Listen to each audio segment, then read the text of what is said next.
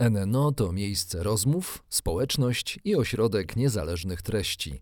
Do rozmów, dyskusji i debat prowadzonych w NNO zapraszamy przedstawicielki i przedstawicieli szeroko rozumianej nauki. Filozofów, etyków, psychologów, socjologów, działaczki i działaczy praw człowieka, ekologów oraz liderki liderów biznesu. NNO po stronie odpowiedzialności.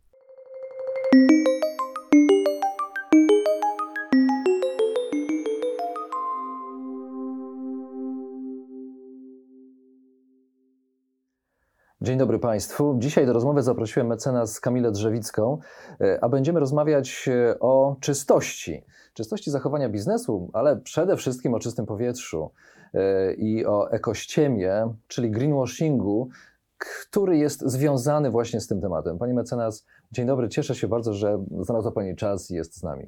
Dzień dobry, bardzo mi miło. Witam. Będziemy rozmawiać o greenwashingu, ale i o tak naprawdę o konkretach tego greenwashingu, o produktach, które stoją za, za greenwashingiem. Zanim do tych produktów dojdziemy, to może porozmawiajmy mm, o tym, e, jak on działa na decyzje zakupowe odbiorcy, czyli ta ekościema, o której rozmawiamy. Co powoduje w, w głowie pani, pana, który no, jest na, na to narażony? Konsument, odbiorca w dzisiejszych czasach, myślę, już jest dużo bardziej wrażliwy na kwestie ochrony środowiska, e, na kwestie też swojego zdrowia, bo to też jest bardzo istotne. I zaczyna e, dostrzegać korzyść w tym, że kupi produkt, który jest e, neutralny albo prośrodowiskowy i szuka takich produktów. Więc gama tych produktów jest coraz szersza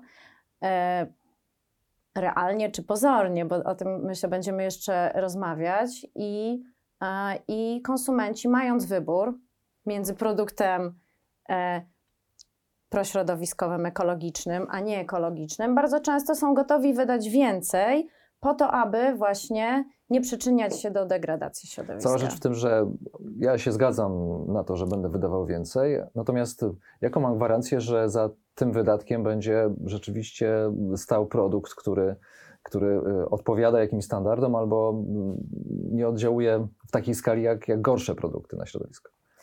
No właśnie rzecz w tym, że gwarancji często brak, e, ponieważ nie tylko konsumenci dostrzegli to, że swoimi decyzjami zakupowymi mogą wspierać e, zrównoważony rozwój, ale przecież e, przedsiębiorcy, korporacje też dostrzegają, że taki trend istnieje no i zaczynają promować swoje produkty nie zawsze rzetelnie i etycznie, jako ekologiczne. No to jak to odróżnić po prostu? Bo chyba nie jest do końca tak, i tutaj musimy też powiedzieć chyba szczerze, że no przecież wśród ekologicznych produktów znajdziemy ekologiczne produkty. E, to raczej ci nieuczciwi gracze rynkowi e, e, powodują, że, że no na rynku znajdują się produkty, które nie powinny mieć w ogóle tego przedrostka eko. Tak, no i, nie umiem odpowiedzieć na pytanie, jak poradzić sobie z tym z punktu widzenia konsumenta. Dlatego, że właściwie przeciętny konsument cóż on ma do dyspozycji? No, może się zapoznać, jest dużo treści w internecie rzetelnych, takich, prawda, e, jak kupować odpowiedzialnie. I oczywiście możemy to przeczytać, możemy się wyedukować, ale prawdę mówiąc, kto z nas ma czas, żeby się specjalizować e, w jakichś różnych dziedzinach, które są dla nas obce, e, przeglądać e, strony producenta, śledzić cały łańcuch dostaw, właściwie to jedyne co możemy, to widzimy ten efekt końcowy, czyli opakowanie, informacja od producenta, ona może być na opakowaniu, ona może być na stronie producenta, prawda? Może być w jakiejś ulotce zamieszczona i właściwie to jest to, jest to, to jest koniec. I właściwie ta, y, ta, ta nasza ocena, ona się opiera na tym, czego dowiedzieliśmy się od producenta. Często te rzeczy są ewidentnie, yy, prawda, ewidentną ekościemą, yy, ale bardzo często jest nam po prostu trudno się rozeznać. I w tym momencie do akcji wchodzą prawnicy dla ziemi, Client Earth i mają, mają do dyspozycji narzędzia, które E, no, są, są po prostu e, sposobem na dotarcie do firm czy do organizacji, żeby powiedzieć im, ej, coś tutaj nie gra. Tak, tak należy postrzegać Waszą rolę? Myślę, że tak należy postrzegać naszą rolę, dlatego że to, na czym nam zależy, to moja organizacja, organizacja Clienter w Prawnicy dla Ziemi, e, zajmuje się ochroną środowiska w bardzo szerokim spektrum. E, zajmujemy się ochroną jakością powietrza, zajmujemy się transformacją energetyczną, ochroną bioróżnorodności, e, zmianami klimatu, produktami, prawda, które mają zły wpływ na zdrowie. E, oceanami. No, tych tematów jest po prostu bardzo, bardzo dużo i jednocześnie obserwujemy, że e, właśnie biznes dostrzegł możliwość promocji e, swoich produktów, swoich usług, trafiając właśnie do ludzi, prawda, poprzez tą taką zieloną, zieloną informację, zielony marketing, E, i wykorzystuje to bardzo często e, nierzetelnie i nieuczciwie. E, tak, tak, bo ma Pani bo dane tak, jakieś. No właśnie. Tak, właśnie z ostatnich badań Unii Europejskiej wynika, że około 50% E, takich informacji i etykiet e, znajdujących się na, na opakowaniach czy na, na, na produktach jest nieuczciwych. E, ale to jest zatrważająca informacja dla nas. Połowa produktów wykorzystuje ekościemę greenwashing. Czy w prawie w ogóle ten greenwashing jest w jakiś sposób zaimplementowany?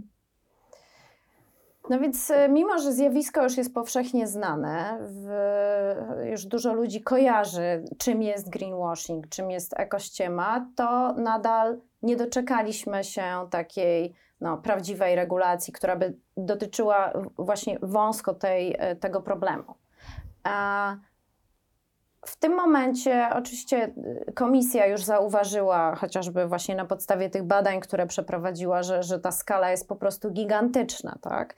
No więc y, prowadzi to do wniosku, że gdzieś błąd jest y, systemowo, prawda, umiejscowiony i komisja zaczęła pracę, zaczęła konsultować publicznie właśnie tę, tę problematykę i myślę, że w jakimś czasie no ale jak wiemy, y, w Unii Europejskiej te procesy one trwają, ale w jakimś czasie wyjdzie z propozycją prawda, uregulowań prawnych, które następnie będą transponowane do, do narodowych porządków, to y, obecnie właściwie no, no nie ma takich regulacji, nie ma definicji y, ustawowej, czym jest greenwashing.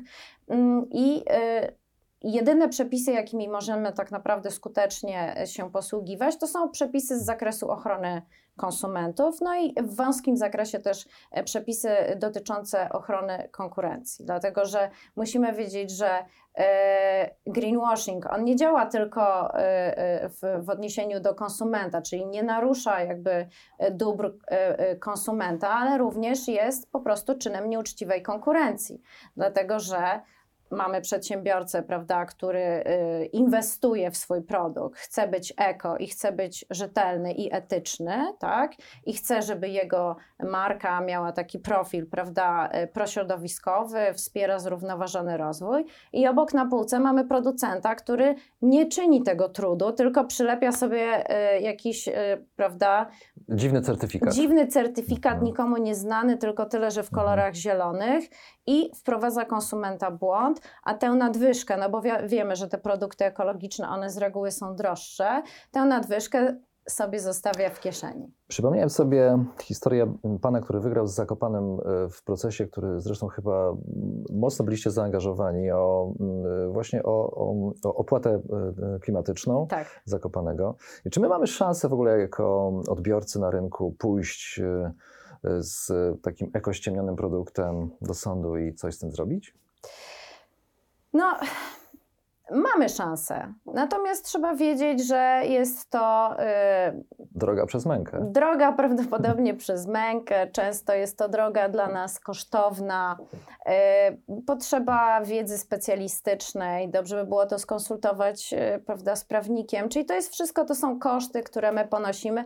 A bardzo często jest tak, że ten produkt jest, y, y, y, prawda, ma taką cenę, że no, może być po prostu ten wysiłek nieproporcjonalny Jasne. później do korzyści. Więc y, w pierwszej kolejności ja uważam, że jak najbardziej, jeśli mamy takie poczucie, że zostaliśmy nabici w butelkę, tak, że, że, że zostaliśmy wprowadzeni w błąd, to y, ja uważam, że absolutnie trzeba reagować i, i trzeba dawać też taki sygnał rynkowi i, i regulatorowi, czyli tutaj myślę, że adresatem takich, e, takich naszych e, informacji zwrotnych powinien być UOKiK albo Inspekcja Handlowa, albo powiatowi rzecznicy konsumenta, ale myślę, że pierwsze, co powinniśmy zrobić, to po prostu napisać do takiego producenta i powiedzieć halo, mhm. O ile y, mogę sobie wyobrazić drugą Dieselgate i E, i, i chociażby no, pozwy zbiorowe, to trudno mi sobie wyobrazić shampoo gate na przykład, e, jeśli ktoś dojdzie do wniosku, że czy jakaś grupa konsumentek, konsumentów dojdzie do wniosku, że zostali nabrani przez producenta kosmetyków, który e, Dokładnie. sprzedaje mm, dwa razy drożej szampon, który tak naprawdę nie ma nic wspólnego z ekologią. A w ogóle są jakieś obecnie kary w prawie zaimplementowane, które odstraszałyby producenta, no właśnie jeśli chodzi o, o tę informację konsumencką, odstraszałyby producenta od stosowania tego typu praktyk? Trudno odpowiedzieć na to pytanie, dlatego że mm, e, greenwashing jako taki nie jest jeszcze e, od strony prawnej mocno rozgryziony w Polsce. Jest mało tych spraw, a, a nawet można powiedzieć, że ich jest jak na lekarstwo.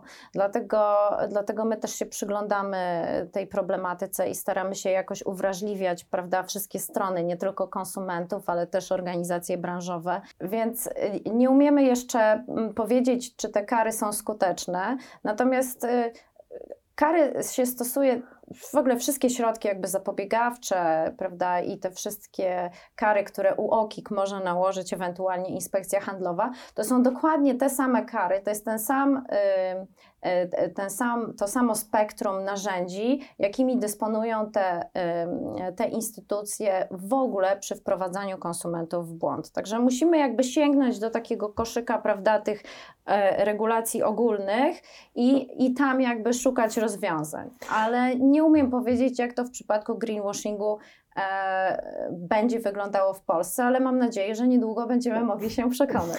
Muszę się przyznać do jednego, że się źle przygotowałem do dzisiejszej rozmowy, ponieważ miałem zamiar pojechać do mm, marketu i zobaczyć, jak wygląda opakowanie kogroszku, ale pomyślałem sobie, że ślad węglowy, jaki zostawię, jadąc tam i wracając, może jest niewarty tego. Jak wygląda opakowanie kogroszku? Um, no, są różne opakowania. Myślę, że warto opowiedzieć o tych, które e, są w kolorze zielonym, e, na których możemy zaobserwować e, motywy roślinne, motywy zwierzęce. Napis eko groszek jest skonstruowany w ten sposób, że to eko jest w kolorze zielonym, a groszek jest w kolorze czarnym. Jeszcze często czytamy, że firma zasadziła tysiąc drzew, przez co jest bardzo proekologiczna. I e, dla lajka wydaje mi się, że jest to bardzo, bardzo przekonujące e, i może naprawdę z dużym, e, jakby z dużą pewnością założyć, że inwestuje pieniądze w produkt, który nie będzie szkodził zdrowiu, nie będzie szkodził środowisku, a przecież tak nie jest. Dlaczego zaangażowała się Pani w, no, w te y, kampanie, czy, czy, dla czy właściwie to prowokuje Pani razem z zespołem Kleinder w kampanię na rzecz odcięcia nazwy eko od y, y, groszku? No, tak się składa, że akurat mój zespół zajmuje się czystym powietrzem, a ekogroszek to węgiel. E, a w Polsce. I to jest greenwashing po prostu. W naszej ocenie jest to greenwashing dlatego że jest to węgiel. E, nie jest, e, myślę, że nikogo w Polsce nie zdziwi to, że e, borykamy się z najgorszym powietrzem w Unii Europejskiej. Mamy poprzekraczane normy jakości powietrza regularnie. I powiem tak, nas to po prostu razi. Jesteśmy wręcz oburzeni tym, że sprzedaje się produkt, który jest węglem, trochę bardziej, prawda, rozdrobnionym, po to, żeby można go było zastosować w piecu nowszej generacji. I mówi się ludziom, że jest to produkt eko, podczas gdy cały świat debatuje na, to, na temat tego, jak odejść od spalania paliw stałych. E, nawet rząd, który, który jakby, no, powiedzmy, Y, nie jest najbardziej responsywną y, organizacją prawda, y, w, w tych kwestiach związanych z jakością powietrza. Ich działania są, mogłyby być szybsze, prawda? Zauważył i w takim dokumencie jak polityka, nowy dokument został stworzony, polityka energetyczna państwa, wskazuje, że do 2030 roku w Polsce należy odejść od spalania węgla w miastach. Więc jeśli czytamy coś takiego w dokumencie rządowym, prawda, no to już wiemy, że to 2030 to nie jest jakaś super ambitna data.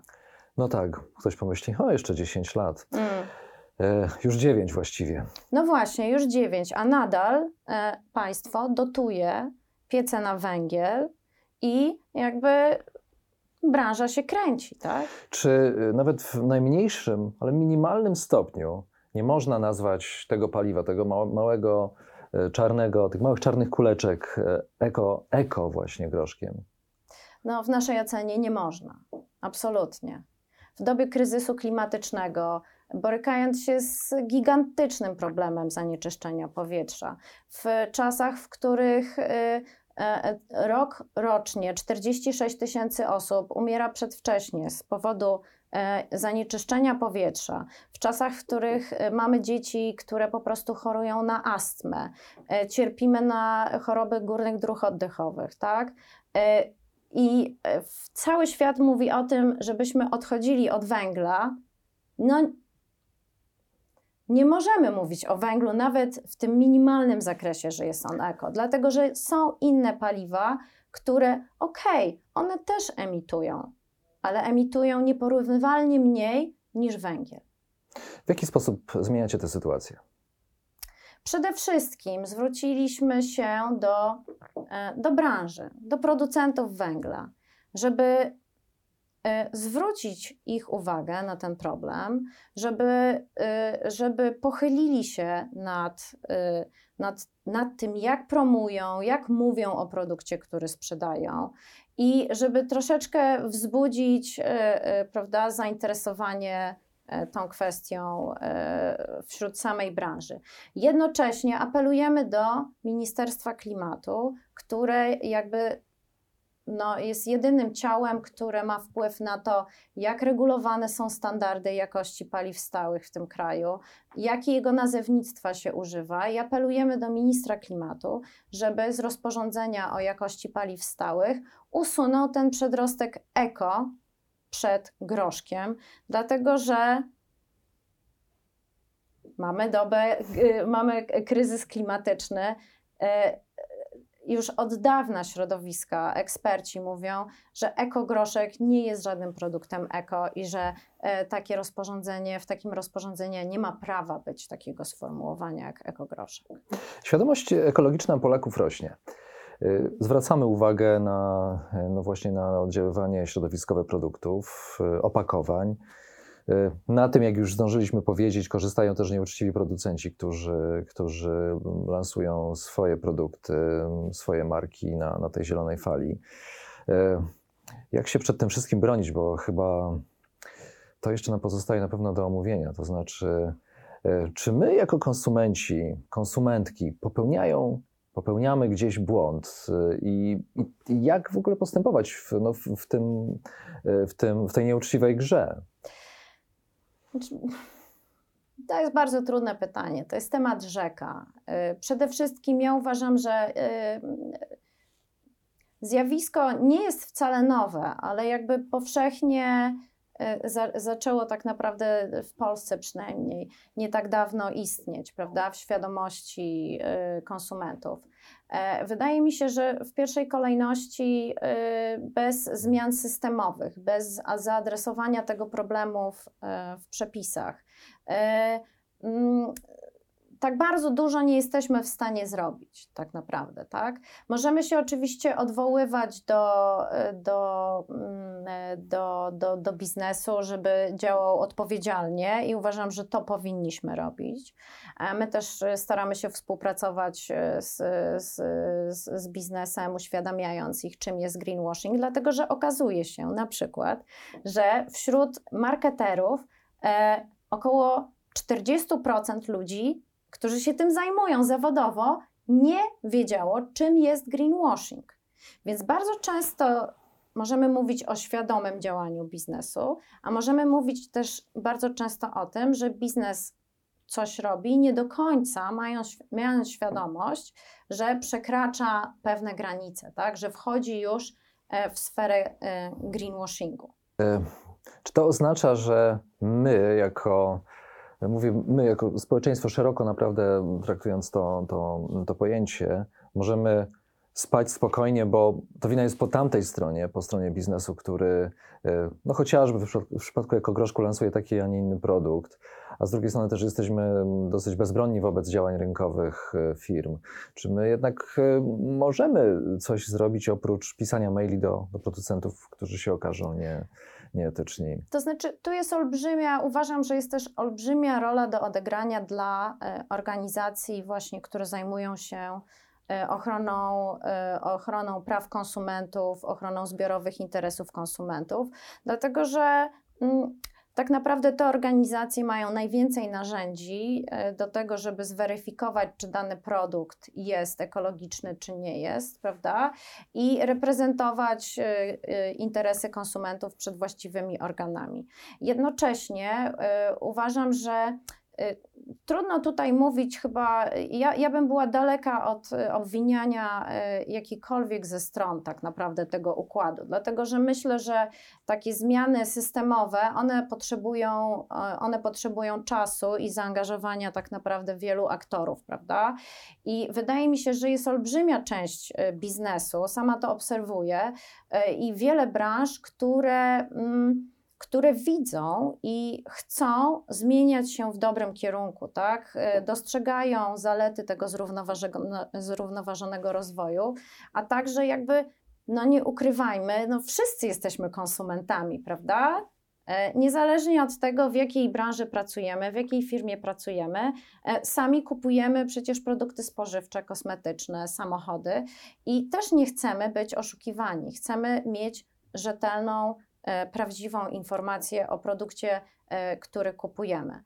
E, myślę, że, że trzeba o tym dużo mówić, trzeba angażować coraz więcej organizacji konsumenckich, które będą adresować ten problem. Jednocześnie, jednocześnie UOKiK Mm, czyli Urząd Ochrony y, Konkurencji i Konsumentów też powinien tutaj e, zacząć e, być bardziej aktywnym na, na, na tym polu. No i trzeba poczekać na regulację. No w tym momencie e, prawo z zakresu ochrony konsumentów jest głównie regulowane właśnie na poziomie mm, Unii Europejskiej i właściwie przepisy, które są w Polsce, przepisy krajowe, to jest kalka z prawa europejskiego. I Czas pokaże, jak te przepisy zostaną, e, zostaną stworzone. Natomiast na pewno narzędzia miękkie, takie jak właśnie e, kontakt z producentem, tak, e, negocjowanie, angażowanie się organizacji konsumenckich, kontrolę UOKiK-u, kontrolę inspekcji handlowej. To jest to wszystko, co będzie nam pomagało i będzie ograniczało y, rozprzestrzenianie się greenwashingu i, uświadamiało wszystkich dookoła. Za nami już właściwie ten sezon grzewczy 2021. Y, no nie wiadomo. może zima wróci. Y, może, może, prawda?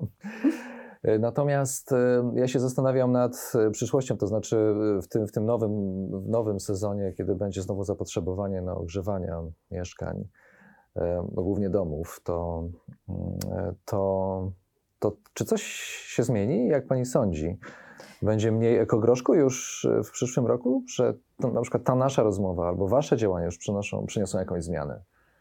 E Przeprowadziliśmy sondaż, z którego wynika, że blisko 50% użytkowników ekogroszku jest przekonanych o tym, że jest to produkt ekologiczny.